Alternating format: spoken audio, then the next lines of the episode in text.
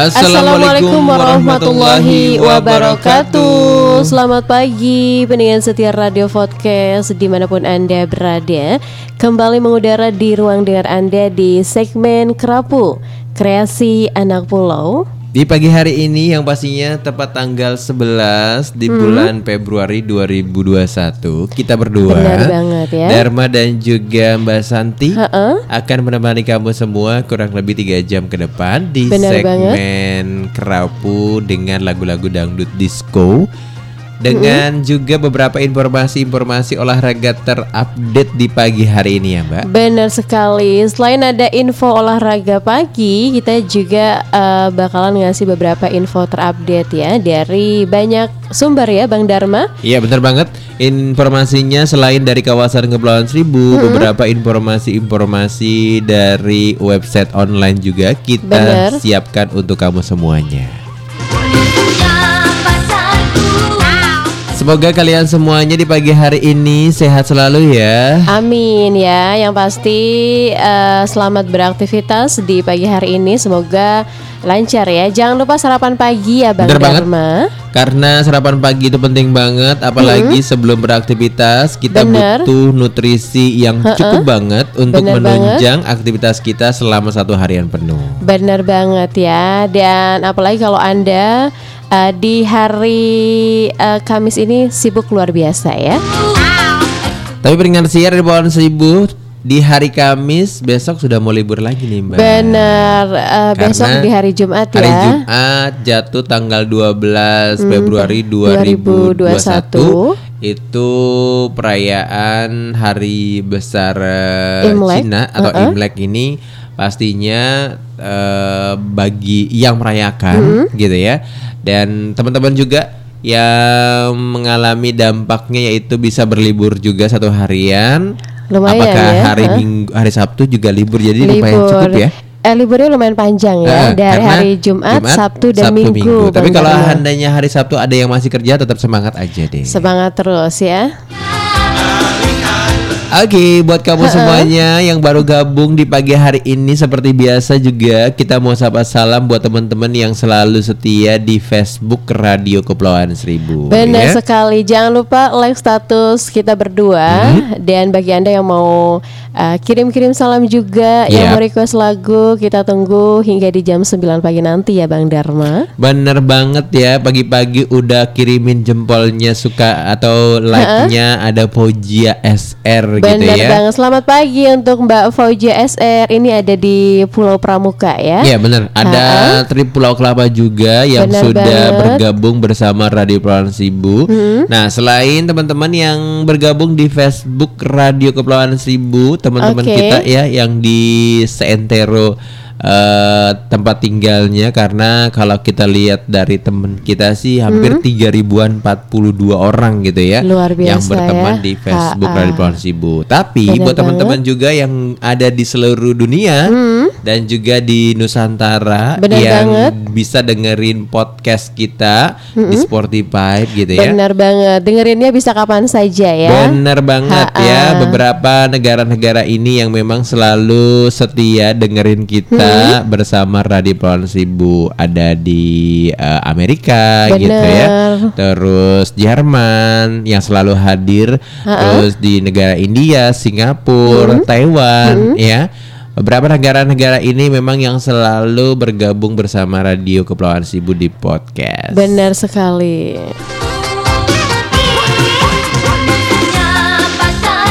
Ya peringatan ya pohon seribu? Buat teman-teman juga ya yang dengerin kita memang dari kalangan eh, sampai usia 17 tahun. Bahkan yang paling mentok sama sekali 44 tahun ini ya perempuan, laki-laki dan semuanya memang selalu mendengarkan Radio Pohon Seribu. Iya benar banget ya.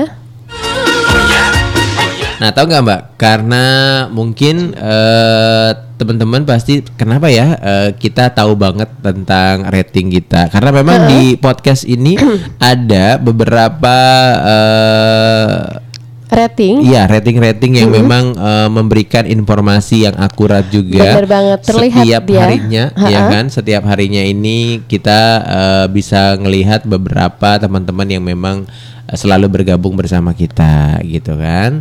Eh, ada yang di Indonesia, terus beberapa negara lain juga, gitu ya. Pastinya ini memberikan eh, dampak yang baik juga buat kalian semuanya. Kalau mau gabung gitu ya, bisa langsung follow kita di Bener Facebook banget Radio Kepulauan di Seribu Facebook Radio Kepulauan Seribu terus dengerin eh, kita di Hmm. Spotify ya Bang Dharma. The Grand Wizard. ya. Oke deh, semangat pagi aja, Mbak. Pagi-pagi gini, Mbak udah bawa sarapan apa nih ya? ya seperti biasa kalau saya sarapannya nasi ya ada nasi uduk. Ini Indonesia put banget Bener gitu. banget ya.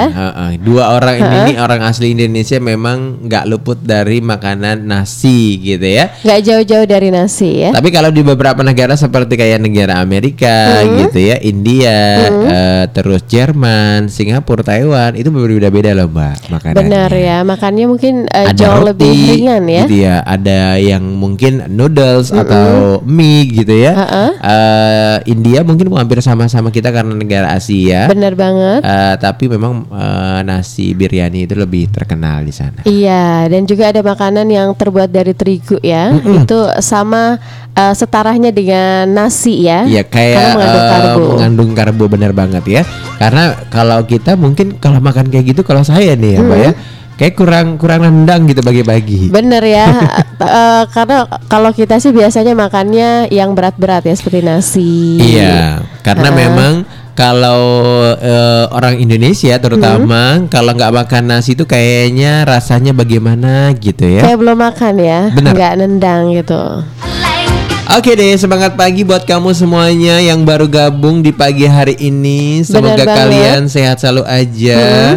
Kita mau ngucapin selamat ulang tahun buat kamu yang baru bergabung di tanggal 11 di Februari 2021 ya. Oke, selamat ulang tahun ya. Semoga panjang umur, sehat selalu dan eh, semangat ya di pagi hari ini. Oke, jangan ke mana-mana dulu. Kita sudah siapin beberapa informasi-informasi mengawali perjumpaan kita. Kita Benar. mau ngasih beberapa lagu dulu. Benar banget ya. Eh, Setelah beberapa lagu ini kita kembali dengan beragam informasi terupdate untuk Anda.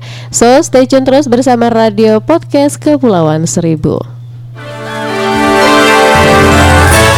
Kabupaten Administrasi Kepulauan Seribu bersama Bisa.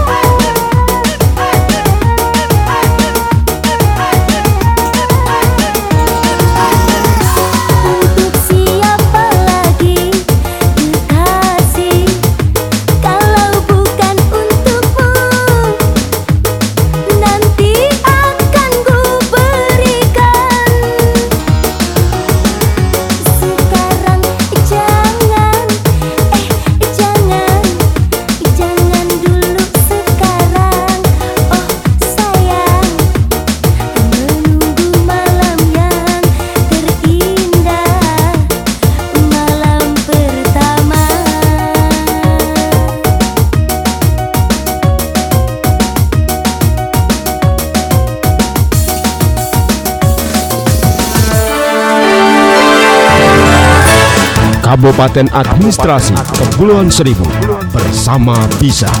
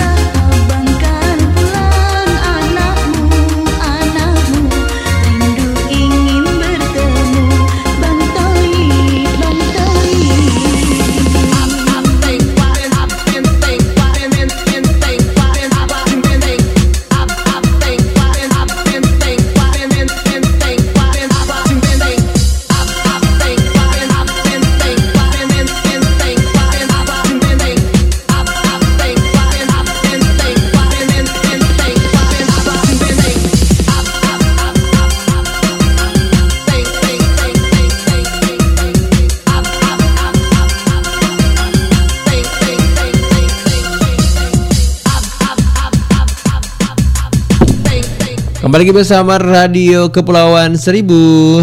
Bener banget, masih ditemani bersama kita berdua di sini. Bagaimana kabarnya hingga saat ini? Semoga sehat ya, Bang Ya dong, Dharma. pastinya. Ha, udah sarapan pagi juga ya, karena uh, mungkin pekerjaannya uh, sudah selesai. Uh, maksudnya baru memulai aktivitas di pagi hari ini ya. Oke pendengar saya Kepulauan Seribu Di pagi hari ini juga Selain informasi dari kawasan Kepulauan Seribu Seperti Benar. biasa kita hadirkan beberapa informasi-informasi Perkembangan cuaca juga Dan informasi terbaru dari beberapa negara ini Nah salah satunya informasi dari BMKG Yang akan disampaikan sama Mbak Santi Benar ya, pendengar setia. Ini dari detiknews.com. BMKG waspada potensi hujan disertai petir di Jakarta Selatan dan Jakarta Timur pada sore hari. Iya, pendengar setia, Badan Meteorologi, Klimatologi, dan Geofisika memperkirakan akan terjadi hujan disertai kilat dan petir di Jakarta Selatan dan Jakarta Timur pada sore ini. BMKG meminta warga untuk waspada. Waspada potensi hujan disertai kilat, petir di Jakarta Selatan dan Jakarta Timur sore hari. Tulis BMKG seperti dilihat detik.com di situs resminya pada Kamis 11 Februari 2021. Pada pagi hari, BMKG memprediksi seluruh wilayah DKI Jakarta selain Jakarta Timur akan diguyur hujan. Sementara Jakarta Timur diperkirakan akan berawan. Siang hari, BMKG memprediksi wilayah Jakarta Timur dan Jakarta Selatan akan diguyur hujan sedang. Sedangkan Jakarta Barat dan Jakarta Pusat diperkira- diperkirakan akan hujan ringan ya. Di malam harinya, pendengar setia diperkirakan terjadi hujan ringan di Jakarta Barat, Jakarta Pusat, Jakarta Utara, dan Kepulauan Seribu. Jakarta Selatan diperkirakan cerah berawan dan Jakarta Timur berawan. Ya, untuk sementara, untuk suhu wilayah Jakarta berada di kisaran angka 24 hingga 30 eh, derajat Celcius, sedangkan kelembaban di kisaran 75 hingga 95 persen. Iya pendengar siapa Kepulauan Seribu Itulah informasi Benar banget dari informasi BMKG ya. cuaca ya dan harus hati-hati nih Bang Dharma untuk wilayah Jakarta Selatan dan Jakarta Timur pada sore hari akan diguyur hujan disertai kilat dan uh, petir. Untuk di Kepulauan Seribu sendiri diperkirakan malam hari nih ya untuk benar Jakarta banget. Utara dan Kepulauan Seribu. Selalu malam hari ini sepertinya Selalu malam Seribu hari ya. dan mudah-mudahan eh, alhamdulillahnya sih semalam nggak sempat hujan turun juga, hujan ya, tapi ha-ha. cuacanya mendung, Mendung, dan bikin banget. mager gitu ya, bangun-bangun kesiangan gitu. Benar banget ya. Tapi tetap semangat selalu ya untuk kita semua. Oke pendengar siap Kepulauan Seribu kita tinggalkan informasi dari Indonesia. Saya mau Benar. ngasih informasi nih Mbak tentang eh, informasi gempa yang terjadi di Pasifik Selatan Australia dan menurut informasi dari detik.com ini kekuatan gempanya sekitar 7,7 magnitudo loh Mbak. Luar biasa. Dan ini dikonfirmasi juga eh, terjadi tsunami kecil di sekitaran Australia. benar kalau sudah 7,7 Iya. eh, magnitudo ini biasanya terjadi tsunami ya, Bang Hmm. Dharma. Nah, informasi selengkapnya untuk Anda gempa magnitudo dengan kekuatan 6,7 terjadi di Pasifik Selatan. Biro Meteorologi Australia mengkonfirmasi terjadinya tsunami kecil di tiga wilayahnya. Tsunami telah dikonfirmasi tulis Biro Meteorologi Australia melalui Twitter seperti dilansir dari AFP pada hari Kamis 10 eh, Februari 2021. Pernyataan ini juga memperingatkan masih adanya ancaman tsunami terhadap Pulau Lord Howe yang berjarak 550 km di timur darat Australia. Sementara itu dilansir dari IBC News, beberapa gelombang tsunami di bawah 40 cm telah terjadi di Pulau Northport, Port Vila dan juga Fiji. Tidak ada evakuasi yang dilakukan di Pulau Lord Howe yang diperkirakan tidak ada dampak yang akibat gempa dengan kekuatan 7,7 di daratan Australia. Orang-orang di Pulau Hard Howe yang berada di Laut Tasman di sebelah timur Port Masquer disarankan untuk menjauh dari pantai dan tepi laut. Gempa dengan kekuatan 7,7 magnitudo tersebut terjadi di Pasifik Selatan. Survei Geologi Amerika Serikat mengeluarkan peringatan tsunami untuk wilayah Selandia Baru, Caledonia Baru, Vanuatu dan negara-negara lainnya di wilayah tersebut. Dilansir dari AFP pada hari Rabu, hari Kamis, maksud saya, gempa terjadi setelah tengah malam pada Kamis waktu setempat, yaitu dengan eh, titiknya 13,20 GMT. Gempa terjadi sekitar 415 km di timur Pau di Caledonia Baru pada kedalaman 10 km, Mbak. Kita sih berharap sebenarnya eh, info apa ya info eh, bencana alam ini jangan pernah terjadi lagi gitu ya. Benar banget ya. Memang kita tahu ya di musim penghujan seperti ini eh, banyak sekali eh, musibah yang terjadi ya. Benar. Di awal 2021 saja sudah banyak musibah yang terjadi akibat tanah longsor lah, Mhm. kemudian gempa, tsunami. Ya, itu bukan cuma hanya di beberapa negara, tapi di Benar. seluruh dunia termasuk Indonesia Termasuk juga. Indonesia juga ya. ya. beberapa waktu lalu memang di beberapa provinsi juga mengalami yang namanya banjir, terus Longsor, longsor, juga ha-ha, gitu ya. banget. Ini luar biasa di tahun 2021 ini, tapi berharap sih semoga next time gitu ya atau di bulan-bulan selanjutnya tidak ada informasi-informasi tentang eh, bencana, ya. lagi gitu Iya, ya. mudah-mudahan seperti itu. Uh, bagi keluarga yang mengalami ini atau saudara-saudara kita di seluruh provinsi di Indonesia Benar. dan juga di beberapa negara juga semoga uh, bisa melewati uh, Musibah. musibah ini dengan ha- lapang hati ikhlas Benar gitu ya. banget ya. Pastinya ini menjadi teguran buat kita, Mbak. Iya, benar supaya banget. kita peduli lagi tentang alam lingkungan ini. ya Iya. harus selalu menjaga alam menjaga lingkungan Benar. Kenapa sih jadi banjir gitu ya? nah, Kenapa bisa sekali. longsor Heeh. terus eh, terjadinya tsunami ini seperti apa? Ini kita harus introspeksi diri benar juga. salah satunya memang disebabkan karena tangan manusia ya Iya, tidak bertanggung tangan jawab ya. manusia sendiri makanya kita bareng-bareng yuk untuk peduli dengan lingkungan. Nah, bagi Benar. bagi eh, wilayah-wilayah yang terjadinya longsor, mungkin mulai dari sekarang kita nanam-nanam bibit-bibit pohon. benar ya nanam pohon, nanam pohon lagi. terus jangan buang sampah di Jangan buang kali, sembarangan di gitu kan di sungai apalagi di laut, Mbak. nah itu Eh, dia eh, ya Karena laut ini kan eh, banyak eh, hewan-hewan ataupun ikan-ikan yang bisa eh, kita konsumsi setiap benar harinya. sekali ikan-ikan kecil jadi mati ya Benar. kalau terpapar sampah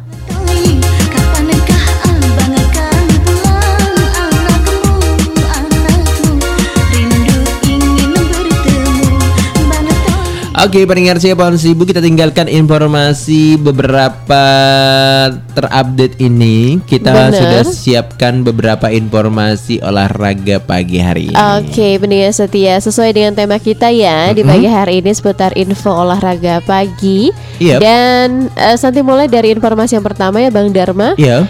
Ini dari cnnindonesia.com. Menpora tak ada peluang buat penonton Liga 1 2021.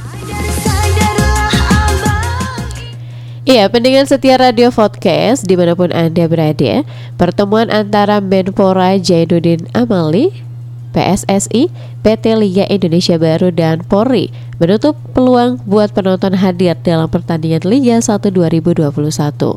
Usai pertemuan yang digelar di kantor Kemenpora pada Rabu kemarin, Menpora berharap segera ada keputusan dari Polri terkait izin gelaran Liga 1 2021. Rencananya, liga ini bakal bergulir setelah Lebaran atau sekitar awal Juni mendatang. Penekanan dari Ketua Umum PSSI menjadi harapan kita semua. Apabila diizinkan tanpa penonton dan tanpa kerumunan serta nobar, bisa saja supporter tidak ke stadion, tapi nobar itu tidak boleh ada. Sanksinya berat, kata Jainuddin. Dalam pertemuan itu lanjut Menpora, PSSI dan operator kompetisi PT Liga Indonesia Baru atau Le- eh, LIB memaparkan rencana turnamen pramusim dan kompetisi secara lengkap melalui video.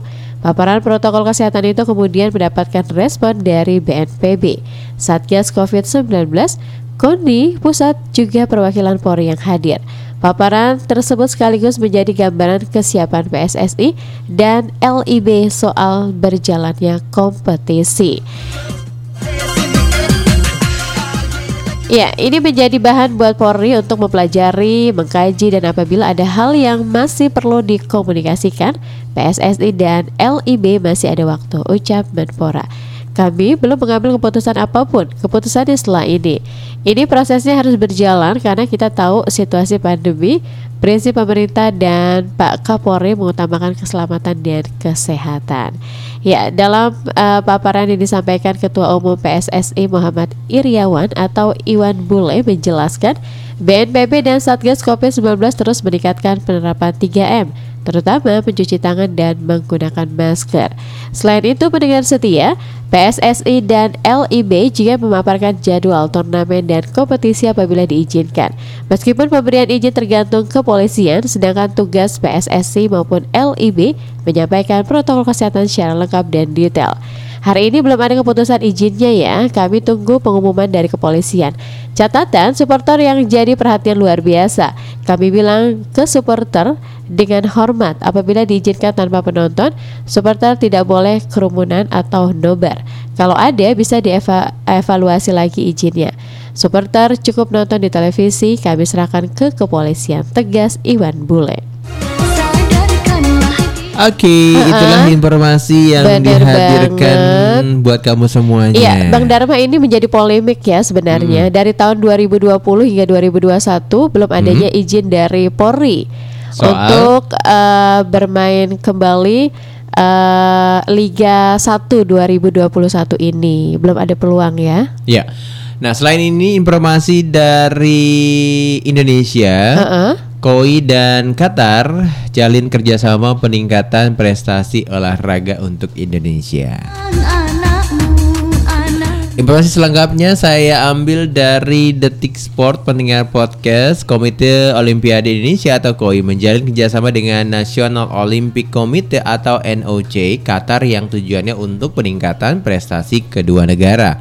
Proses penatangan Memorandum of Understanding ini dilakukan oleh Ketua KOI Raja Sabta Otohari dengan NOC Qatar HE Sheikh eh, Saud bin Ali Al Thani pada hari Rabu 10 eh, Februari 2021 lalu. Okto panggilan karib eh, Raja Sabta Oktohari menyambut baik kerjasama ini. Menurutnya partisipasi ini memberikan dampak positif bagi pengembangan prestasi olahraga kedua negara tersebut. Terlebih, baik Indonesia maupun Qatar sama-sama tengah mempersiapkan diri menjadi tuan rumah event-event besar. Indonesia akan menjadi tuan rumah FIBA Asia Cup 2021 dan FIBA World Cup 2023. Sedangkan Qatar akan menjadi host untuk Asian Games 2030 mendatang. Hal lain yang juga tak kalah penting ialah menghidupkan sport industri yang direncanakan oleh pemerintah. Seiring kolaborasi ini, KOI juga telah mendapatkan konferensi secara langsung soal bagaimana Qatar menggelar kegiatan olahraga di tengah pandemi corona yang melanda dunia. Salah satunya adalah Emir Cup Qatar juga pertandingan semifinal Piala Dunia antar klub yang berlangsung pada hari Selasa 8 Februari kemarin. Seperti ketahui pendengar podcast, Indonesia sendiri masih belum bisa mengizinkan kegiatan olahragawan digulirkan karena kasus wabah COVID-19 yang masih tinggi di Indonesia.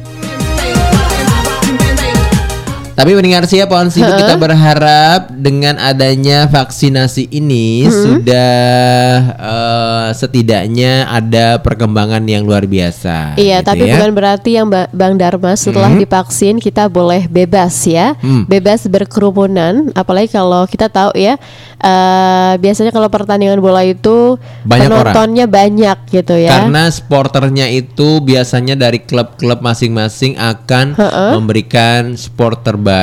Dan kita tahu ya kalau di gitu. Indonesia itu fanatik banget ya. Iya, aduh kalau namanya soal main bola di mana aja, bukan cuma hanya di kalangan eh, apa eh, seperti kampung Nah. gitu ya. Tapi kalau sudah masuk ke pertandingan nasional dan internasional, wis luar biasa. Ya, kalau ngomongin soal fans club masing-masing udah nggak bisa dibilang lagi gitu ya. Benar ya. Oke jadi diperingat siap pohon seribu di mana pun kalian berada. Uh-uh, selamat pagi untuk Anda uh-huh. dan jangan ke mana-mana ya. Setelah ini kita masih dengan beragam informasi terupdate untuk Anda. Stay tune terus bersama Radio Podcast Kepulauan Seribu. Kabupaten Administrasi Kepulauan Seribu bersama bisa.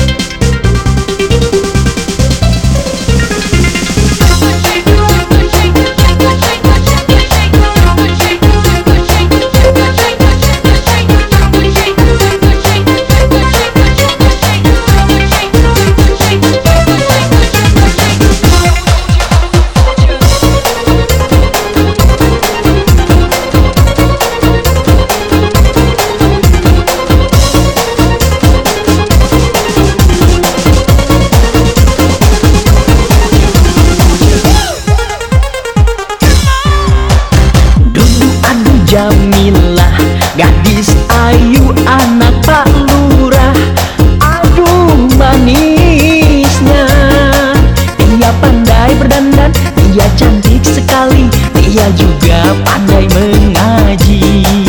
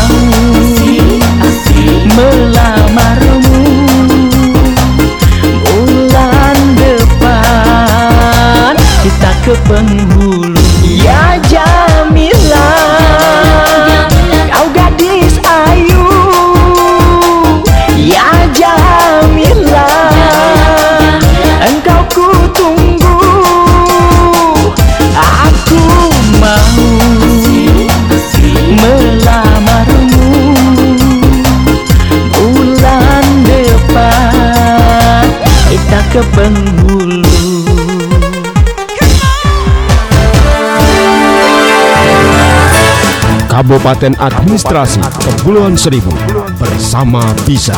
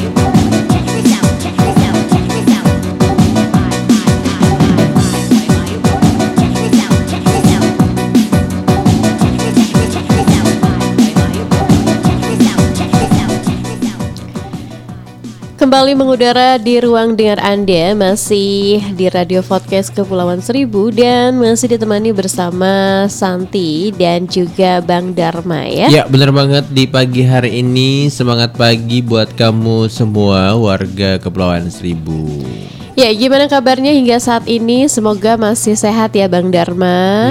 Ya, biasa ya kalau di musim penghujan seperti ini banyak penyakit-penyakit yang memang sudah terbiasa di musim hujan ya, seperti flu, Mhm. batuk, uh, pilek, bahkan diare nih. Jadi harus hati-hati ya. Iya, apalagi buat kamu semuanya jangan sampai eh, penyakit-penyakit ini bermasalah banget gitu. ya. Bener Jangan dianggap banget. sepele gitu ya. Iya, kalau sudah mulai agak kurang sehat langsung saja berobat ke dokter gitu ya, biar cepat teratasi. Pasti dong. Iya, apalagi kalau saat ini Anda sedang sakit nih. Mhm. Aduh, kayaknya nggak enak banget ya. Padahal pekerjaannya masih banyak yang harus diselesaikan, tapi badan kurang mendukung untuk bekerja.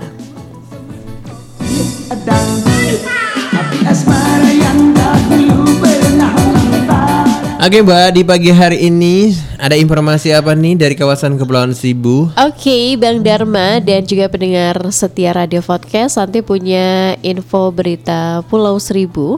Petugas gabungan Kelurahan Pulau Panggang helatkan operasi tertib masker. Ya, informasinya untuk Anda. Petugas gabungan Kelurahan Pulau Panggang, Kecamatan Kepulauan Seribu Utara menggelar operasi tertib masker di Pulau Pramuka.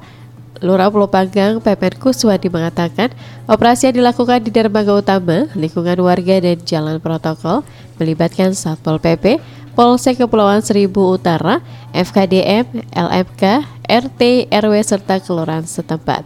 Operasi tertib masker rutin dilakukan untuk mencegah dan minimal mengurangi penularan COVID-19 dan diharapkan agar pulau ini kembali ke zona hijau. Sementara itu, Kapolres Kepulauan Seribu AKBP Eko Wahyu Fredian menambahkan, dalam operasi tertib masker ini sekaligus disosialisasikan gerakan Jakarta bermasker serta membagikan masker gratis. Hasilnya diketahui ada 12 pelanggar protokol kesehatan yang langsung kita sanksi sesuai aturan, dua di antaranya sanksi sosial.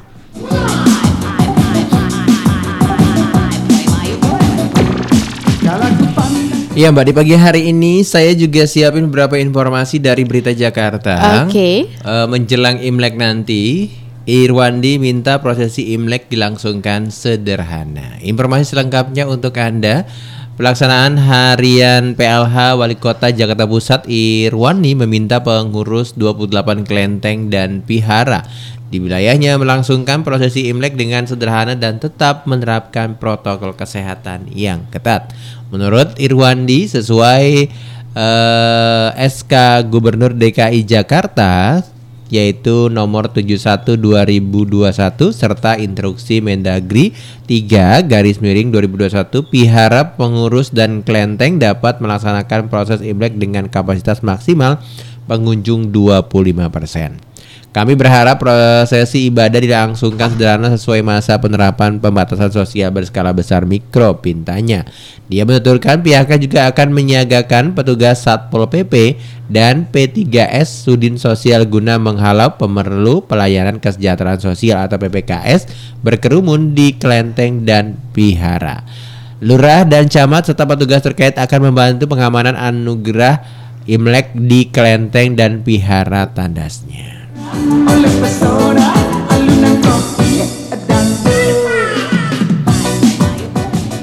Iya, Bang Dharma biasanya kalau di hari-hari besar gitu kan, ini pasti eh, COVID-nya meningkat ya. Iya. Karena mungkin liburnya lumayan panjang dari hari Jumat, Sabtu, Minggu.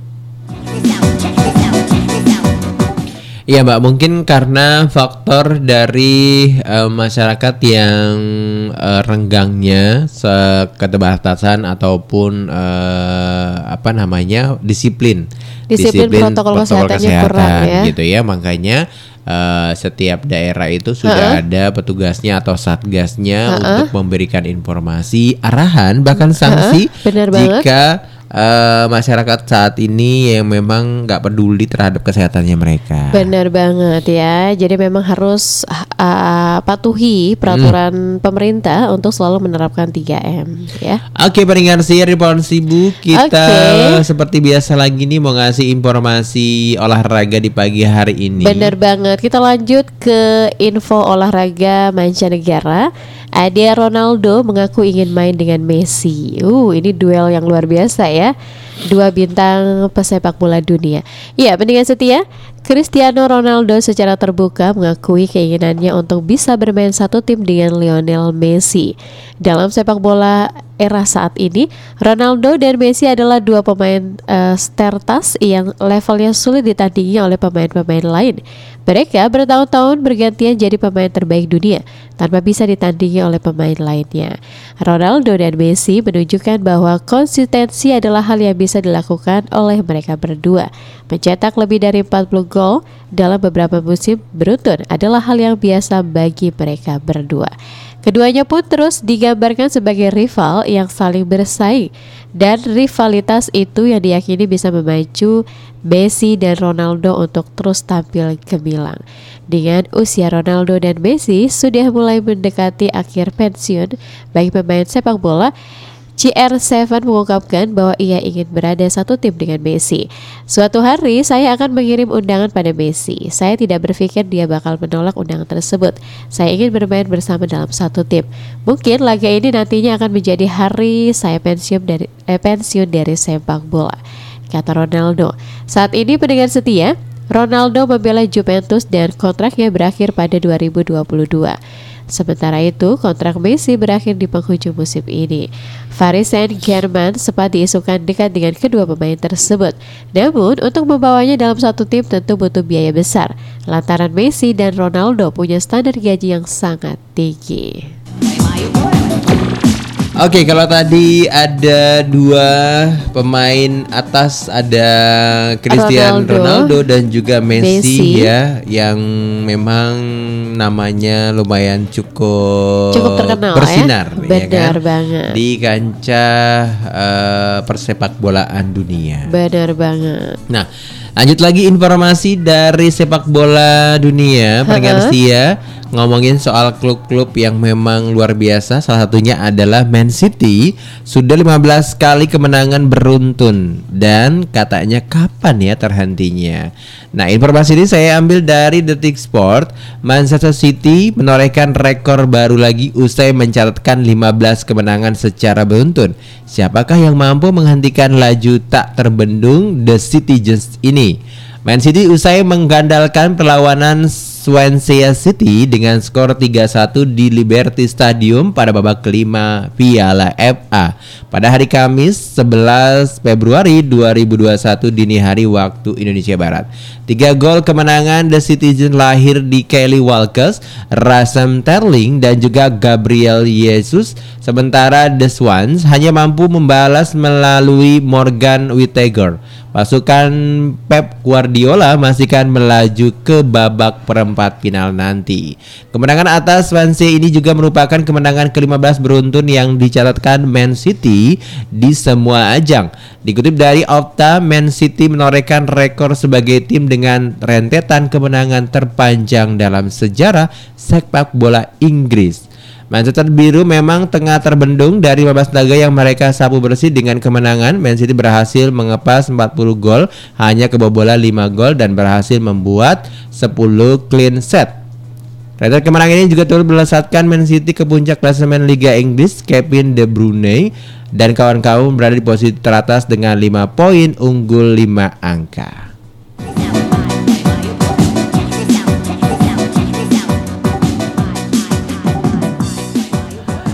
Pendengar siap Bang Sibu jangan ke mana-mana Selepas beberapa lagu berikut ini Dharma dan juga Basanti akan kembali lagi Benar sekali, tetap stay tune bersama Radio Podcast Kepulauan Seribu.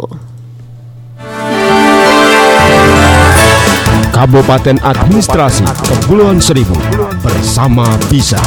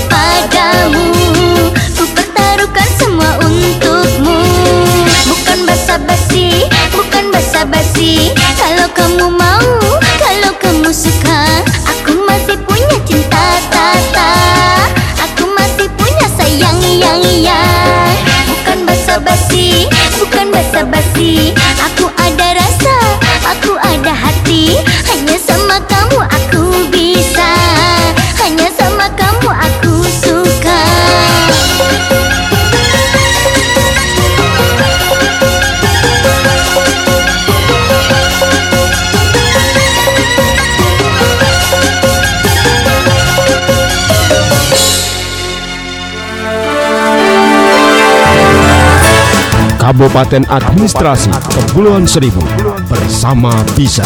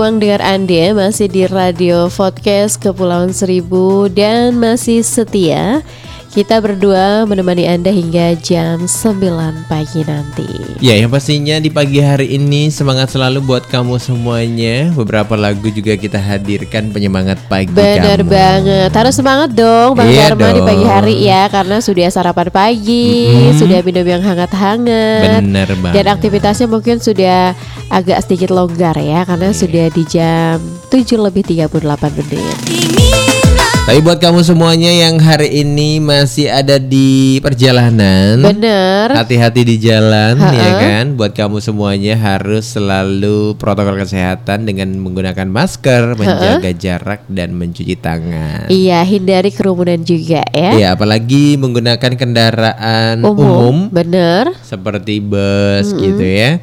Terus naik kereta Ha-ha. Atau ojek online. Nah jadi memang harus uh, benar-benar protokol kesehatannya dijaga dengan baik ya Nah biasanya Mbak kalau naik eh, bus atau naik kereta itu kan kita apalagi kalau mepet banget waktunya Nah, berdesak-desakan gitu ya. banget ya. Biasanya kalau pagi Uh-uh. itu eh, banyak orang yang, Yang mau berangkat, berangkat kerja, kerja. benar ya. Kalau Mbak itu ngerasain eh, naik komuter lain eh, Jabodetabek, uh, luar biasa kalau pagi-pagi gini Penuh ya. ya. Penuh. Kalau jam segini itu udah bener-bener udah nggak bisa masuk Mbak. Nah itu bagaimana ya cara menerapkan eh, protokol kesehatan? Iya, apalagi di masa pandemi kayak gini Nah itu gitu dia ya. itu kenapa DKI Jakarta semakin hari semakin meningkat ya kasus COVID-19. Karena memang masih banyak eh, orang-orang yang Hmm. mungkin eh, mohon maaf ya masih kurang eh, sadar dengan kesehatan Benar beberapa banget. orang. Jadi kalau kamu ngerasa memang harus bekerja setiap hari, Ha-ha. tetap harus menggunakan masker. Tapi ada juga loh yang orang-orang yang sudah safety gitu Iya. ya. Tapi karena Tetap mungkin kena tetap ya. kena juga karena daya tahan tubuhnya lemah biasanya. Benar, apalagi kalau saat ini sedang Musim musim, penghujan. penghujan ya, Mm-mm. otomatis memang harus ekstra jaga kesehatan. Oke deh, semangat pagi buat kamu semuanya. Bener. Kita lanjut lagi informasi dari kawasan Kepulauan Seribu. Ya kan? Dan Iya. juga informasi dari DKI Jakarta kita Oke. hadirkan buat kamu semua. Benar sekali. Kita mulai dari informasi yang pertama ya Bang Dharma. Mhm. Ini saat diambil dari berita jakarta.co.id. Yep.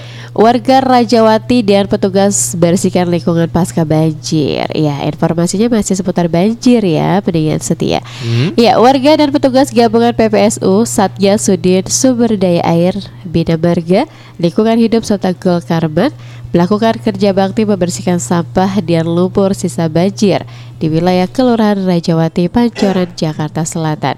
Lurah Rajawati Budi Budi Janto mengatakan kegiatan yang melibatkan sekitar 100 petugas dan warga ini dimulai pukul 7.00 hingga 16.00. Pembersihan sampah dan lumpur dilakukan dengan menggunakan alat sederhana seperti pacul, sekop, pengki, dan karung plastik. Lumpur sisa banjir tebalnya mencapai sekitar 10 hingga 20 cm. Dia menjelaskan Proses pembersihan lumpur dan sampah dilakukan tiga tahap yang diawali dari jalan lingkungan, rumah warga yang diakhiri dengan penyemprotan air dan mobil pemadam karman. Sampah sisa banjir dikumpulkan dan diangkut menggunakan truk. Banjir akibat luapan kali Ciliwung jelas Rudi sempat merendam total 11 RT yang tersebar di wilayah RW 01, 03 dan RW 07. Seluruh wilayah sudah surut total sejak kemarin malam.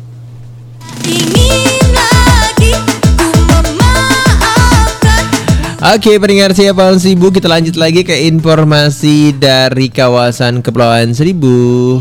Iya, di pagi hari ini buat kamu semuanya. Iya. Di antaranya informasi dari kunjungan kerja di Spotmar Mabes TNI Angkatan Laut diyakini meningkatkan kepedulian terhadap lingkungan.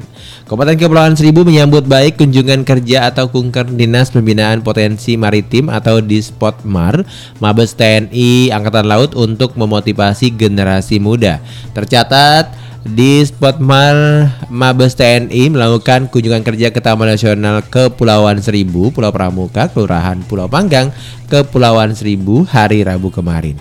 Dalam kunjungan kunjungan kerja tersebut dilakukan penanaman 75 bibit mangrove, pelepasan tukik, transplantasi karang dan mempelajari manfaat mangrove untuk ekosistemnya. Kita tahu melestarikan mangrove dan pohon lamun ini tidak mudah. Semoga kunjungan ini bisa lebih memotivasi generasi muda untuk terus melestarikannya ujar Pepen. Sementara itu Kepala STPN Wilayah 3 Pulau Pramuka Taman Nasional Kepulauan Seribu Kusminardi mengatakan melalui kunjungan kerja tersebut bisa semakin meningkatkan kerjasama. Mudah-mudahan ke depan kegiatan seperti ini bisa terus dilakukan pungkasnya. Ya Mbak, memang Hah? eh, apalagi di kawasan Kepulauan Seribu melestarikan mangrove dengan Uh-uh. menono- menanam-nanam pohon mangrove di pesisir pantai, Benar. itu juga bisa mengurangi abrasi pantai. Benar banget. Jadi ombaknya nggak langsung masuk ke eh, pinggiran pulau ya, Iya, Bang benar. Dharma. Walaupun Jadi memang dihalangi oleh pohon mangrove. di pulau-pulau kita sudah dikelilingi Hmm. sama apa jalanan-jalanan eh, Lingkar. lingkar juga. Tapi kalau tidak ditanami dengan mangrove alhasil ombak besar itu bisa tidak memecah gitu kan. Benar banget ya. Nah selain eh, dengan eh, menanam mangrove kita juga bersama-sama nih yuk buat anak-anak muda ya kan peduli terhadap lingkungan dengan sering-sering mengecek apakah kita perlu nih untuk mentransplantasi karang mbak. Nah benar ya karena karang-karang di Kepulauan Seribu sudah mulai eh, punah gitu ya, Hmm. Bang Dharma. Jadi memang harus dilestarikan lagi. Karena memang faktor kita sendiri Ha-ha. sebagai manusia kalau nggak peduli buang sampah sembarangan jadi Nah, itu dia. akhirnya eh, apa tempat pembibitan ikan Hmm. atau beranak binak ikan semakin nggak ada agak susah nantinya. Jadi nggak ada ikan ya. Iya, terumbu karangnya rusak, otomatis nanti kita Ha-ha. untuk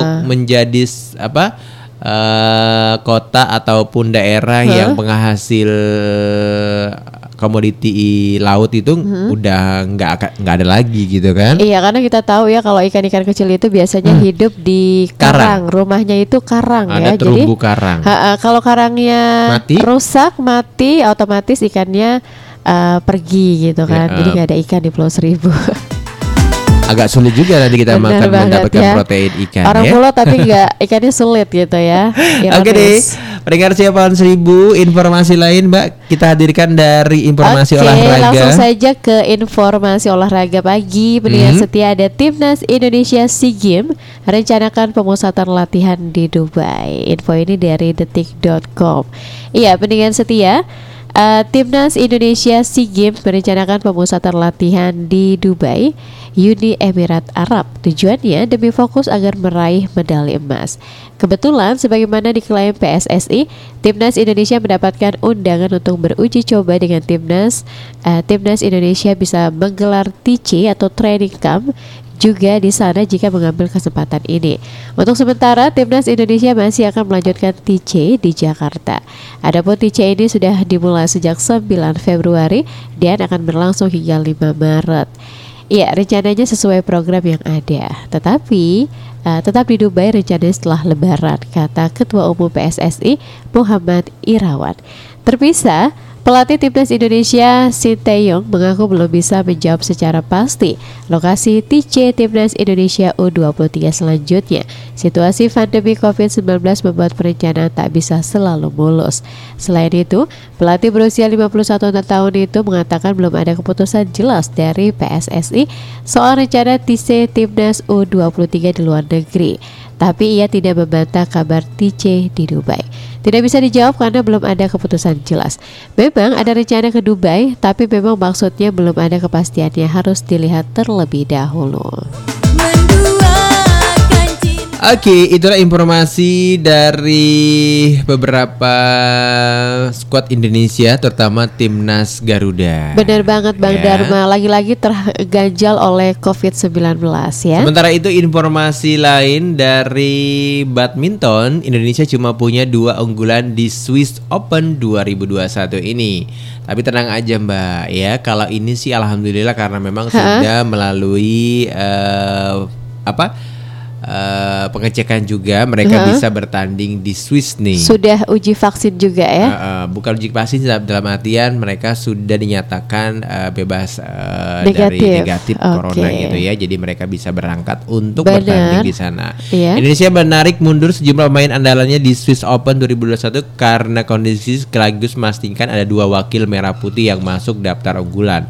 Dua wakil itu ya ada adalah Gun Tunggal Putra Cesar Hiren yaitu Rustavita dan juga ganda campuran Hafiz Pejal Gloria Emmanuel Wijaya. Vito panggilan karir Cesar Hiren jadi unggulan 7 setelah dua rekannya Antone Ginting dan Jonathan Christie batal tampil dalam turnamen BWE Portus Super 300 tersebut. Menukik undian yang tertera di turnamen Software Toyonex eh, Swiss Open 2021, Vito berada di bawah tunggal Thailand Katapton Wangcharoen yaitu 6 di posisi ke-6 ya, Sai Franet 5 di India, eh, Kidambi Srikan 4, kemudian Rasmus Denke dan juga Lezizia serta Victor Excelsen yang berada di unggulan tiga besar. Meski masuk unggulan, undian Vito terlalu berat. Ia yang berada di bagian atas berpeluang bertemu Excelsen di perempat final Swiss Open 2021 nanti. Tapi itu pun dengan catatan baik, Vito dan Excelsen mampu melewati babak 32 dan 16 besar nanti. Sedangkan Hafiz dan Gloria menempati unggulan kedua setelah Rapen Jordan dan Melati Dayapono Octavianti dibatalkan mengirimkan untuk difokuskan ke All England 2021. Hafiz dan Gloria hanya berada di bawah ganda campuran Malaysia yaitu Chang Peng Son dan Goh Li Ying yang menempati sedet pertama. Pada babak pertama Swiss Open ganda peringkat 8 dunia ini akan berjumpa pasangan India yaitu Satwik Sairat dan juga Aswini Ponapa di babak pertama Swiss Open. Inilah pertemuan kedua bagi keduanya di tahun ini dan ketiga sepanjang pertemuan mereka. Sebelumnya Hafiz dan Gloria berhadapan dengan Renki Reddy dan juga Ponapa di Yonex Thailand Open dan kalah dalam permainan 3 game 11-21, 29-21, 16-21. Jika mulus nih ya, Hafiz dan Gloria akan bertemu di Kamtriotnya yaitu Rinop Rivaldi dan Pita Haning Tias Mentari di babak kedua dengan catatan keduanya mampu lolos ke babak 32 besar nanti. Jadi walaupun nggak bisa berlaga eh, beberapa squad Indonesia di internasional, tapi untuk soal badminton, alhamdulillah masih bisa bertanding nih mbak. Luar biasa ya. Ya. Kita Semangat berharap sih deh. semoga mereka eh, mendapatkan eh, gelar lagi di turnamen Eropa ini, Benar gitu banget kan, ya. agar eh, bisa membawa Nama harum nama ya. harum Indonesia Benar lagi di banget. kancah internasional. Iya, pendengar setia dua dua informasi ya sudah Hmm. kita hadirkan untuk anda di info olahraga pagi. Kita ke Facebook Bang Dharma. Ya. Di sini ada yang sudah like status kita berdua ada Mbak Fauji SR yang tadi pagi, Hmm. ada Mbak Hevita Happy Indonesia, Mbak Damarulan, Mbak Nur Hafiz, Mbak Warsiti Jayanti, Mbak Indah, Mbak Yanti Sofyan dan Mbak Yuli Haida. Ini cewek-cewek semua ya, ibu-ibu Iya. semua ya. Selamat bergabung Ha-ha, aja buat mbak-mbak di sana. Terus ada gitu Mbak ya. Lestari ya. Ya, ada request juga nih dari Pak Tri Pulau Kelapa Bang Dharma. Mhm. Request lagunya apa saja yang penting untuk istriku yang selalu ada di dalam suka maupun duka. Romantis Pagi-pagi sudah romantis banget gitu ya, ya. kayaknya seneng banget nih istrinya. Seneng nih. dong. Istrinya diucapin salam cinta ya. Oke, nanti kita puterin ya lagu-lagu yang spesial nih buat Bang Tri Pulau Kelapa. Oke semangat pagi buat kamu semuanya warga Pulau. Seribu Dharma dan juga Mbak Santi masih akan kembali lagi untuk Ha-ha. anda setelah beberapa lagu berikut ini. Jadi tetap setia bersama Radio Kepulauan Seribu. Kabupaten Administrasi Kepulauan Seribu bersama Bisa.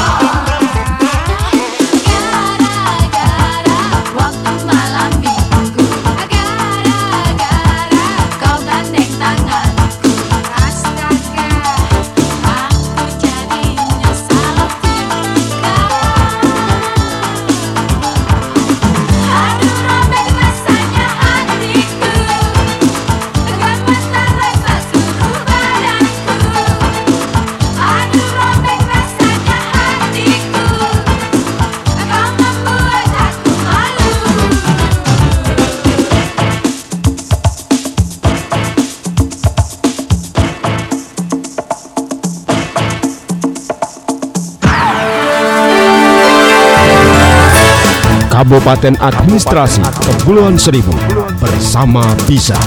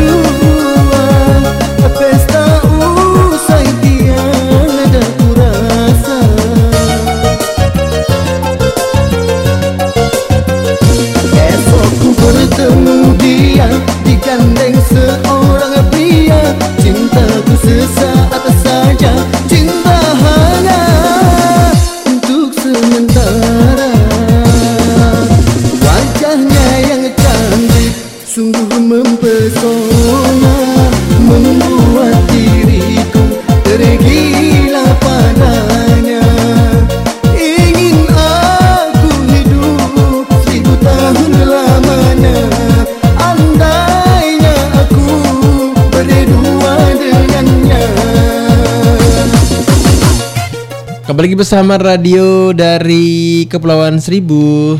Bener banget, masih ditemani bareng kita berdua. Masih setia ya Bang Dharma, kita menemani Anda di segmen Kerapu pagi hari ini ditemani dengan Beberapa lagu-lagu lagu dangdut. dangdut disco pagi hari Iya. ini. Memang kalau lagu-lagu dangdut disco ini pas banget di pagi hari. Benar, ya membawa kan? energi membawa semangat energi ya. semangat Energi positif, positif, luar gitu biasa ya. Kadang eh, walaupun diri kita diterpa masalah Ha-ha, hidup ya namanya benar hidup kan banget. tidak Selalu sesuai ada ekspektasi. masalah ya. Ada masalah. Benar banget. Tapi Yang- caranya kita bisa menyikapi ini dengan hal-hal positif, Benar banget. selalu eh, memberikan aura positif kepada orang lain, Benar. dan itu akan berdampak bagi diri kita. Oke. Salah satunya mungkin kita bisa lakuin ini adalah seperti kita nih memberikan informasi-informasi banget. terbaru gitu ya. Informasi terupdate. Bener. Kemudian juga lagu-lagu yang membangkitkan Semangat semangat, kamu. Anda di pagi hari ya. Jadi eh, sambil beraktivitas mungkin sambil Mhm. dengerin lagu-lagu dangdut disco untuk Anda. Oke, buat kamu semuanya di seluruh Nusantara dan juga Bener. beberapa negara yang bisa dengerin podcast kita. Sebenarnya Oke. eh, podcast kita bisa didengerin di mana aja, kapan Bener aja. banget. Mau waktu istirahat, Uh-uh. mau waktu yang lumayan cukup padat sebenarnya Iya. karena memang eh, siaran podcast ini bisa dinikmati kapan aja selama kuota kamu ada. Benar gitu. banget. Tapi jangan lupa download dulu ya Iya aplikasi. Spotify-nya pendengar setia. Karena dengan cara mendengarkan podcast Radio Pulauan Seribu, kamu akan nggak ketinggalan informasi-informasi terbaru dari kawasan Kepulauan Seribu. Iya, setiap harinya selalu ada informasi terbaru ya Bang Dharma. Bener banget. Mungkin kalau Anda yang tidak kenal Kepulauan Seribu itu di mana sih gitu ya. Mungkin kamu ada di Papua, Iya. ada di Bandung misalnya, nggak tahu Pulau Seribu itu seperti apa sih. Nah, dengerin aja Radio Podcast Kepulauan Seribu ya. Karena banyak sekali informasi dari sekitaran Kepulauan Seribu. Selain informasi dari kawasan Kepulauan Seribu, Mbak, kita Ha-ha. juga akan ngajak-ngajak kamu gitu ya. Kalau kata orang pulau sih ledek-ledekin gitu bisa liburan eh, menikmati pantai, snorkeling gitu ya. Hmm. Benar banget. Di weekend-weekend biasanya kita akan hadirkan beberapa eh, tempat-tempat wisata yang memang selalu dikunjungi Nah, itu di kawasan dia. Kepulauan Seribu. Iya, jadi tahu dong nih tempat wisata seperti apa sih wisata Kepulauan Seribu. Bener. Informasinya dari kita di sini ya di Oke podcast deh. Kepulauan Seribu. Pastinya kamu nggak akan ketinggalan selain beberapa tempat wisata di kawasan Kepulauan Seribu, makanannya Oke. juga nah, ya kan. kuliner khas Hmm. Kepulauan Seribu juga banyak ya terdapat di sini. Salah satunya ada apa nih Bang Dharma? Pucue. Pucue. Nah, Pucue ini hampir berpikir mirip sama makanan ah, Palembang, pempek bedanya ya. iya pempek Ha-ha. Palembang, bedanya mungkin kalau Palembang itu penyajiannya kan Berkuah. dia berkuah menggunakan kayak cuka-cuka gitu. Nah, asam-asam Nah, manis kalau di gitu ya, kawasan asam-asam pedas. Seribu dia sambalnya sambal kacang. Sambal kacang, sambal Mantap kacangnya banget. itu eh, selera masing-masing ya, Iya. mau pedes, mau pedes manis, mau Iya. pedes asin. Nah, itu rasanya mantep ya. Mantep itu cocok banget. kalau di musim-musim penghujan seperti ini, Bang Dharma. Karena anget-anget panas-panas Bener gimana banget. gitu ya. Nah, pucuenya juga bisa dikukus, bisa Iya. juga digoreng. Jadi bisa tahan ya tiga atau empat hari sih. Bener banget. Dan pucuk ini ternyata bisa juga lo dijadiin olahan oleh-oleh seperti kerupuk ikan loh. Mbak. Kerupuk ikan juga dari pucue ya Iya. pengolahannya. Jadi memang praktis ya. praktis. Selain pucue ternyata ada juga Ha-ha. yaitu bahan dasarnya dari ikan. Ikannya sebenarnya ikan yang memang sering dipakai adalah jenis ikan tongkol ataupun ikan cakalang. Iya, ini ikan-ikan Gitu. tuna ya Ikan biasanya ya, tuna, yang hmm. eh, tulangnya itu nggak banyak gitu Iya. ya. Dan ini namanya sate gepuk tapi Nah. tidak punya tusukan. Gitu Satenya ya. dibungkus Iya ya. dibungkus sama daun pisang. Dan pisang Itu terus di, rasanya eh, ada panggang. manis gitu. Iya, pedas-pedas manisnya itu dari cabe udah pasti ya Bang Mhm. Dharma. Kemudian pakai Campuran parut kelapa. eh, parut kelapa. Uh, rasanya Hmm, jadi nikmat rasanya ya. nikmat banget. Ada gurih, ada Uh-uh. manis. Pakai gula jawa juga ya Bang Dharma ya. Pakai. Jadi ada rasa manis-manisnya. Orang pulau tuh unik banget. Bener. Makan sate gepuk ini temennya kopi katanya. Kok kopi? Iya. Oh, baru tahu cocok ya? ya. Saya baru tahu. loh. Katanya uh, justru kalau makan apa sate gepuk itu kalau di kita ada juga yang memang menjadi makanan Uh-uh, eh, lauk lauk pauk ya, gitu ya. nasi. Tapi ternyata di Pulau Panggang terutama Uh-uh. ada yang eh, mengkonsumsinya kayak makanan biasa aja gitu. Oh, kayak kopi cemilan karena gitu rasa-rasa ya. manis gurih itu, Mbak. Benar banget. Itu disebutnya uh, sate odol ya, Oh, iya. karena bentuknya tuh mirip kayak odol ya. Mm-mm. Itu Uh-uh. kalau yang ada di Pulau Tidung, Pulau gitu ya. Tidung, Kalau di Pulau biasa. Panggang dan Pulau Pramuka Sate sebutannya gepuk. tetap sate gepuk Uh-uh. ya. Da- dan itu cuma ada di Kepulauan Seribu aja. Iya deh. Oke deh pendengar siapa Seribu Kita Oke. lanjut lagi informasi dari mana Mbak? Iya, masih dari kawasan Kepulauan Seribu, Bang Mhm. Dharma, ada Balai Warga Pulau Pramuka disemprot cairan disinfektan. Informasi selengkapnya untuk Anda, Balai Warga RT 01 RW 04 Pulau Pramuka, Kelurahan Pulau Panggang, Kecamatan Kepulauan Seribu Utara, disemprot cairan disinfektan oleh petugas sektor 7 Suku Dinas Penanggulangan Kebakaran dan Penyelamatan Kota Jakarta Utara dan Kepulauan Seribu. Mhm. Perwira Piket Sektor 7 Sudin Gul Karmat Jakarta Utara dan Kepulauan Seribu Abdul Wahid mengatakan penyemprotan dilakukan untuk mencegah penyebaran COVID-19. Ini rutin dilakukan khususnya terhadap sarana dan prasarana umum warga, kata Abdul Wahid. Abdul Wahid menambahkan sebanyak 5 personil berikut satu unit water sprayer penyemprot lokasi lainnya seperti kapal ojek antar pulau, fasilitas umum dan fasilitas sosial.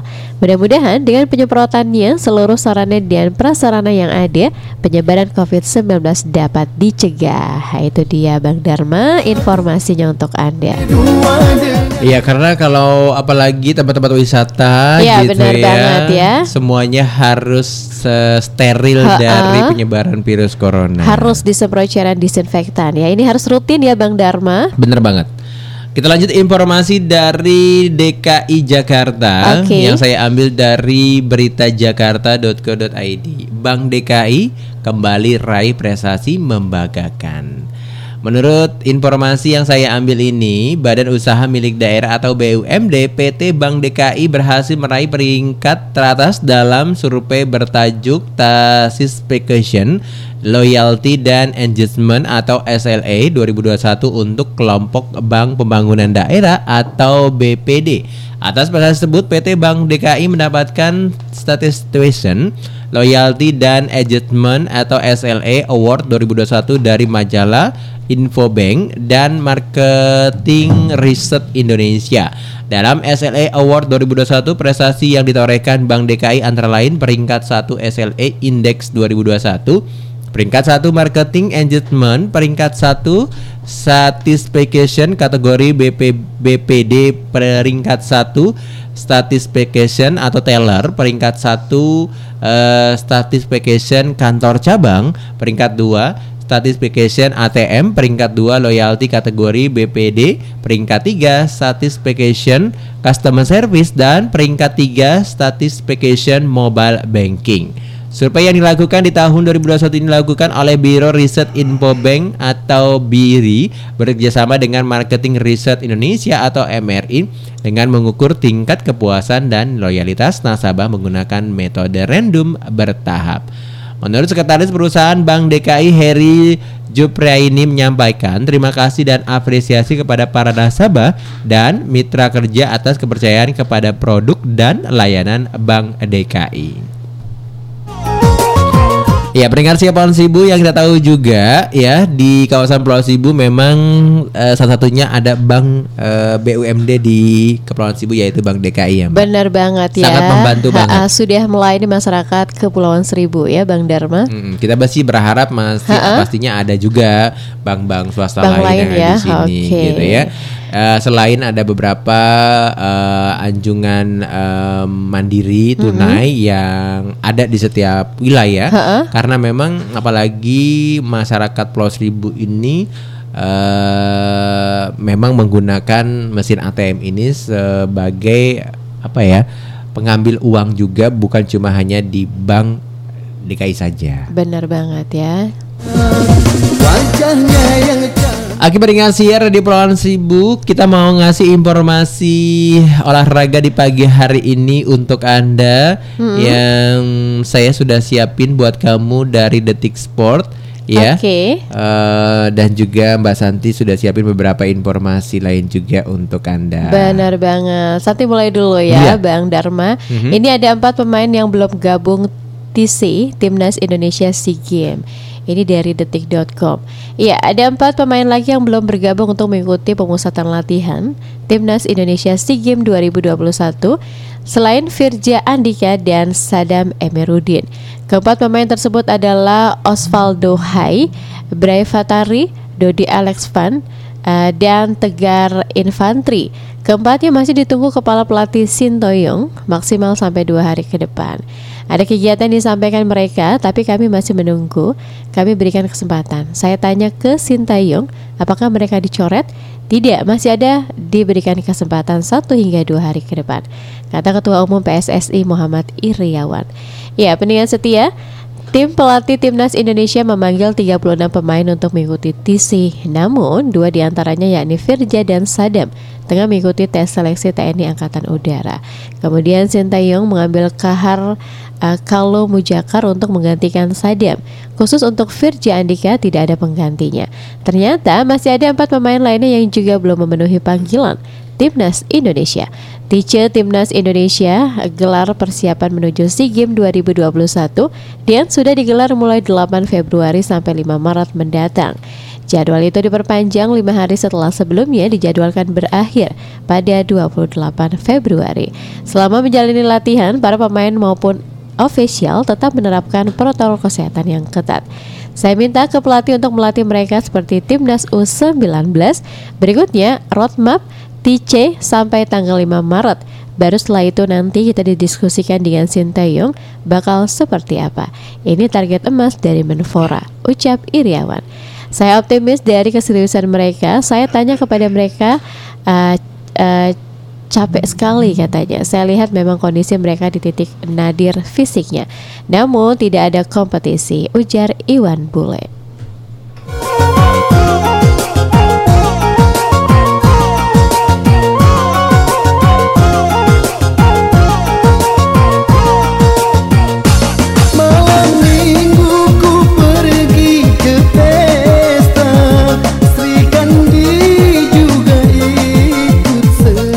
Pendengar siapa orang sibuk kita berlari ke informasi olahraga untuk anda ya. Eh, informasinya dari sepak bola Piala FA buku ke Swansea dan Man City ke perempat final ini ya.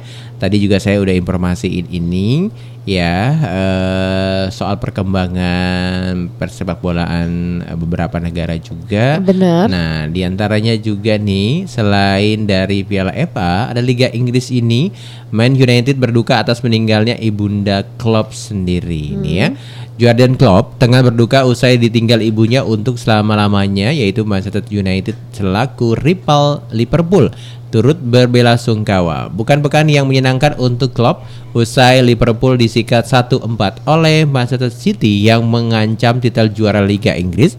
Klopp harus menerima kabar duka lainnya.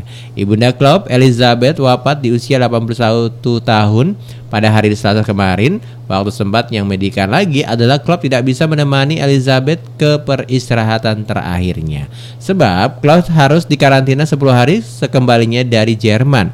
Meski otoritas Jerman meski memperlakukan lantaran terbang dari Inggris, mereka masih mengizinkan pendatang dengan alasan kematian keluarga dekat seperti yang dialami mantan pelatih Bruce Borussia Dortmund tersebut.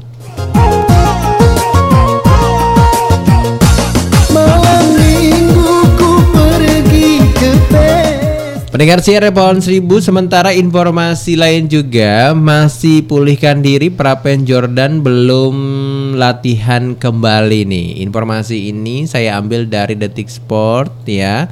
Soal badminton Indonesia, Prapen Jordan belum menjalani latihan intens bersama tim bulu tangkis di pelatnas PBSI Cipayung dan katanya dia masih memulihkan diri. Prapen bersama rekan-rekannya baru saja kembali dari perjalanan mengikuti tiga turnamen beruntun di Bangkok, Thailand Januari lalu. Mereka kembali ke tanah air pada 1 Februari lalu. Setelah itu menjalani karantina selama lima hari, Mbak. Gitu ya. Iya benar banget ya. Itulah informasi yang kita hadirkan untuk Anda. Memang Oke. terkadang eh, pertandingan-pertandingan eh, lumayan yang eh, agak menguras tenaga, Tenaga, juga. hmm. Terus apalagi di masa-masa eh, corona ini. Pandemi. Ya kan, mereka eh, sudah cukup lama tidak berlatih, terus ada pertandingan internasional, gitu ya. Ha, benar banget Jadi ya. mereka harus dipersiapkan Harus ekstra ya, ekstra benar-benar banget ekstra. gitu ya.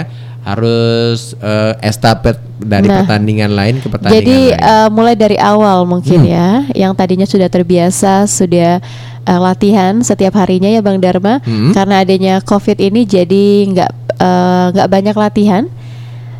Pada saat mulai latihan kembali ya harus butuh energi, harus butuh eh, semangat yang lebih.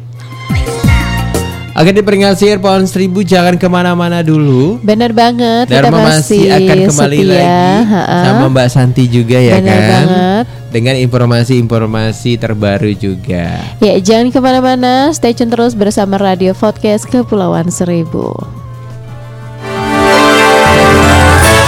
Kabupaten Administrasi Kepulauan Seribu bersama Bisa.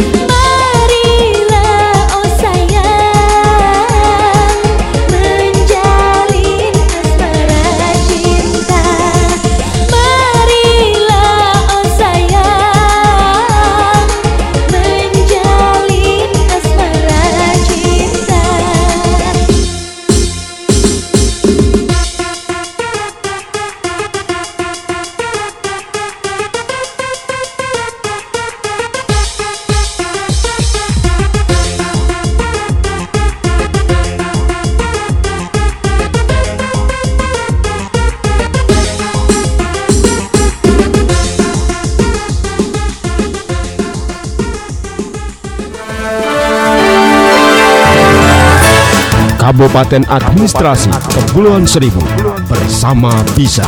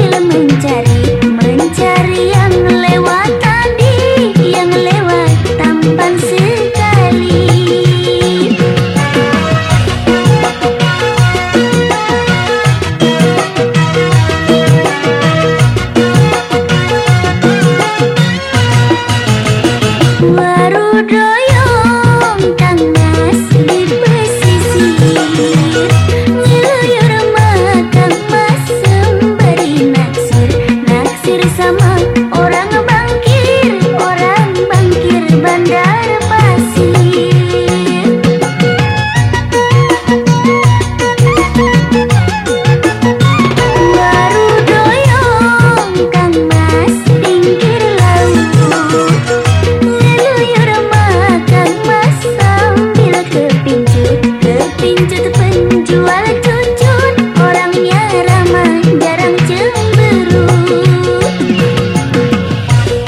Lagi bersama Radio Kepulauan Seribu. Masih bareng Dharma dan juga Basanti di pagi hari ini ya. Semoga kita masih dalam keadaan sehat selalu aja buat kamu semua warga Kepulauan Seribu. Dan juga teman-teman yang bergabung terus bersama radio di podcast RKS ya.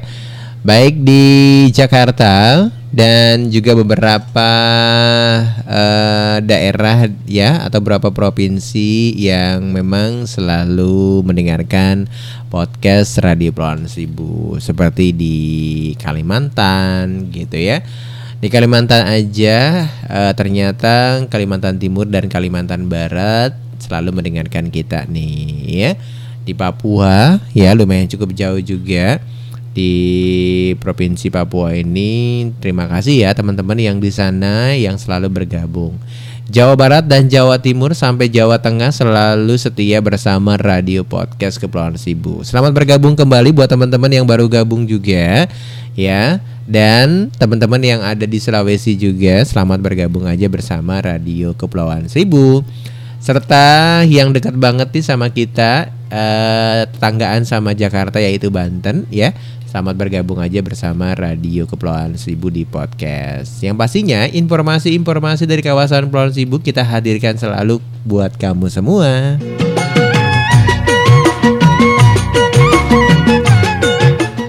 Saya akan selalu menyapa kamu semuanya buat para pendengar eh, podcast di seluruh dunia, beberapa negara seperti di Amerika gitu ya. Ternyata di negara Amerika ini lumayan cukup banyak juga ya. Di Washington DC, Texas, Ohio, Leonis dan juga Oregon juga dengerin kita. Terima kasih ya buat yang ada di sana. Mudah-mudahan sih saya berharap orang bule-bule juga yang di sana ya atau warga negara asing di sana yang dengerin atau jangan-jangan warga negara Indonesia yang memang bisa nangkap siaran radio Pulau Seribu gitu ya bisa dengerin melalui Spotify, Jangkar, Mendung dan lain sebagainya. Dan ternyata di negara Jerman juga di beberapa kotanya Turigia dan juga Bayern mendengarkan podcast Radio Pulau Seribu nih ya. Kalau India sih selalu ya karena kita memang ada segmen di weekend ini selalu puterin beberapa lagu-lagu yang memang bisa menghibur kamu semua. Di Banggala Barat dan juga Bihar ya. Selamat bergabung aja buat yang ada di India serta di Singapura juga. Singapura yang dekat banget sama Indonesia di sana tepatnya di kota Dewan Pengembangan Komunitas Singapura Pusat. Ini kayaknya orang Indonesia nih yang di sana ya. Dan yang terbaru ada di Taiwan, Taipei tepatnya. Ya mudah-mudahan memang beberapa teman-teman di sana juga ya terutama yang memang kerja di beberapa negara ini. Banyak banget kan memang orang Indonesia yang menjadi tenaga kerja asing di luar negeri dan saya berharap semoga kalian sehat selalu aja. Kirim-kirim salam ya. Kamu juga bisa bergabung di podcast ya dan bisa follow kita di Facebook Radio Pulauan Sibu. Jadi kamu bisa dengerin podcast dan juga bisa bergabung di uh, Facebook RKS dan bisa kirim-kirim salam seperti ada Yuli Haida, Santi Sophia, Indah, Cindy Lestari, Mbak Warsiti Jayanti, ada Damar Wulan, Nining Salam, ya kan? Mbak Happy Happy yang selalu hadir terus nih bersama Radio Podcast Kepulauan Seribu, ya kan? Yang memang uh, selalu berbaik hati nih, ya kan? Memberikan like jempolnya buat kita. Oke, buat kamu semuanya, saya siapin beberapa informasi dari kawasan Kepulauan Seribu, ya kan? Untuk tetap kita tertib uh, operasi masker ini gitu ya. Apalagi uh, banyak banget kegiatan-kegiatan operasi pas uh, tertib masker. Jadi buat kamu yuk uh, berkontribusi dengan gerakan Jakarta bermasker. Karena setiap harinya pasti ada saja ya yang kedapatan tidak menggunakan masker nih. Salah satunya informasi dari Pulau Seribu.jakarta.co.id, petugas gabungan Kelurahan Pulau Panggang helatkan operasi tertib masker. Petugas gabungan Kelurahan Pulau Panggang, Kecamatan Pulau Seribu Utara menggelar operasi tertib masker di Pulau Pramuka Menurut Lurah Panggang, PPN Kuswani mengatakan operasi yang dilakukan di dermaga utama lingkungan warga dan jalan protokol melibatkan Satpol PP, Polsek Kepulauan Seribu Utara, FKDM, LMK, RT dan RW serta kelurahan setempat. Operasi tertib masker rutin dilakukan untuk mencegah atau minimal mengurangi penularan COVID-19 dan diharapkan agar pulau ini kembali ke zona hijau. Sementara itu Kapolres Kepulauan Seribu AKP Eko Wahyu Predian menambahkan dalam operasi tertib masker ini sekaligus sosialisasikan gerakan Jakarta bermasker serta pembagian masker gratis. Hasilnya diketahui ada 12 pelanggar protokol kesehatan yang langsung kita sanksi sesuai aturan, dua di antaranya sanksi sosial tandasnya. Yuk pendengar siap pohon seribu kita eh, gencarkan ataupun kita gaungkan ya kan? Gerakan Jakarta bermasker ini berkontribusi juga nih. Jangan sampai kamu terkena ya kan? Eh, ketika tertib masker atau operasi masker ini di beberapa pulau jangan sampai kamu kena sanksi gitu ya sanksi sosial. Bahkan mungkin kamu nanti terpapang fotonya nih di sini ya kan? Pakai rompi PPSU ya kan? Karena kamu harus bersih-bersih area umum seperti jalanan ya kan? Karena memang ini adalah sanksi yang diberlakukan dari Satgas COVID-19 di seluruh Indonesia. Pendengar siar di Pohon Seribu jangan ke mana-mana dulu. Selepas beberapa lagu berikut ini Dharma dan juga Basanti masih akan kembali lagi untuk Anda. Tetap siap bersama Radio Kepulauan Seribu. Kabupaten Administrasi Kepulauan Seribu bersama Bisa.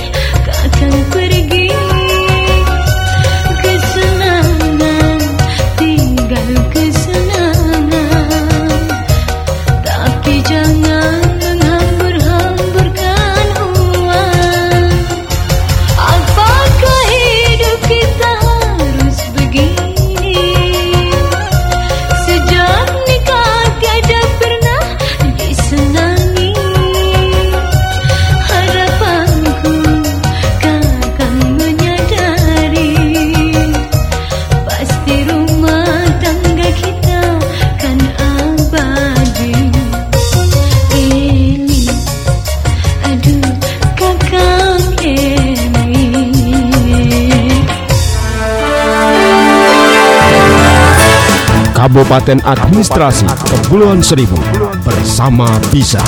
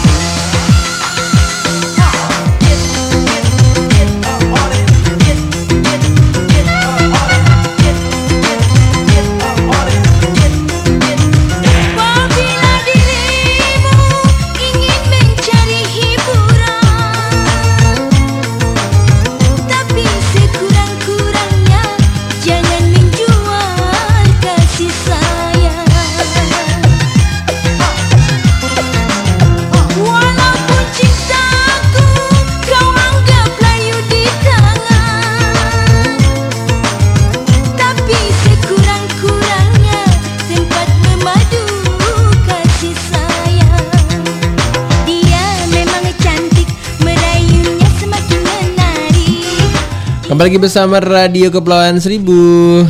Ya masih ditemani bersama kita berdua di sini di segmen Kerapuk ya di pagi Mhm. hari ini dan beberapa lagu sudah Santi dan Bang Dharma hadirkan untuk anda semoga terhibur. Oke deh, buat kamu semuanya semoga terhibur aja dan Benar kita hadirkan banget. langsung informasi dari olahraga pagi hari ini. PBSI batalkan pengiriman Anthony dan dua ganda ke Swiss Open nih. Menurut dari informasi Detik Sport, PP PBSI kembali mengambil keputusan menarik pemainnya dari Swiss Open 2021 kali ini Anthony Sinisuka Ginting dan dua pasangan ganda yang batal diberangkatkan. Pengumuman ini disampaikan PBSI melalui Ketua Bidang Humas dan Media Broto Happy. Dia mengatakan bahwa Anthony, yaitu juga Prapen Jordi Melati Deva Oktavianti dan juga Gracia Poli dan Afriani Rahayu diputuskan tak ikut turnamen yang berlangsung pada 2 hingga 7 Maret nanti pendengar podcast ya. Jadi buat kamu semuanya itulah informasi dari kawasan Pulau Sibu, informasi olahraga. Mbak Santi mau ngasih informasi Iya apa nih? dari informasi olahraga pagi kita ke berita Jakarta. Femkop dan TP PKK Jakarta Utara berikan apresiasi bagi kader valiatif. Informasi selengkapnya untuk Anda. Pemerintah Kota Administrasi Jakarta Utara bersama TP PKK Jakarta Utara memberikan apresiasi berupa piagam penghargaan dan bikisan kepada 13 kader valiatif. Kegiatan ini merupakan bagian dari rangkaian peringatan Hari Kanker Sedunia yang jatuh setiap tanggal 4 Februari. Wakil Wali Kota Jakarta Utara Ali Maulana Hakim mengatakan 13 paliatif ini merupakan perwakilan dari masing-masing kecamatan Jakarta Utara dan berdedikasi tinggi melakukan pendampingan terhadap pasien kanker dan sebagainya. Ketua Tim Penggerak PKK Jakarta Utara Suni Sigit Wijat Moko menambahkan pada peringatan Hari Kanker Sedunia ini juga sekaligus menjadi pertemuan rutin PKK Kota Jakarta Utara. Sementara itu pendengar setiap podcast, apresiasi dari Femkop Jakarta Utara dan TPPKK Jakarta Utara direspon positif oleh Surti, salah seorang kader paliatif dari Kelurahan Rorotan. Ia sangat berterima kasih atas apresiasi yang diberikan karena menambah semangat baru bagi kader paliatif eh, di Jakarta Utara. Sejak 2020 dirinya menjadi kader paliatif Kelurahan Rorotan yang bertugas mendampi- mendampingi kanker eh, pasien kanker, HIV dan jantung juga stroke. Oke deh pendengar CR Pohon Seribu Nggak kerasa nih mampir kamu Ha-ha. eh, menemani semuanya tiga jam gitu ya Benar Di banget Radio ya. Seribu Oke. Saya Dharma Hasim dan juga Mbak Santi Semoga Ha-ha. bisa menjadi teman terbaik Dan Benar juga banget. memberikan informasi-informasi terbaru terus untuk Anda Benar banget ya. Dan Haya Dharma Hasim mohon pamit Dan saya Santi, terima kasih. eh, selamat pagi untuk Anda semua. Dan akhir kata, Wassalamualaikum warahmatullahi wabarakatuh Salam olahraga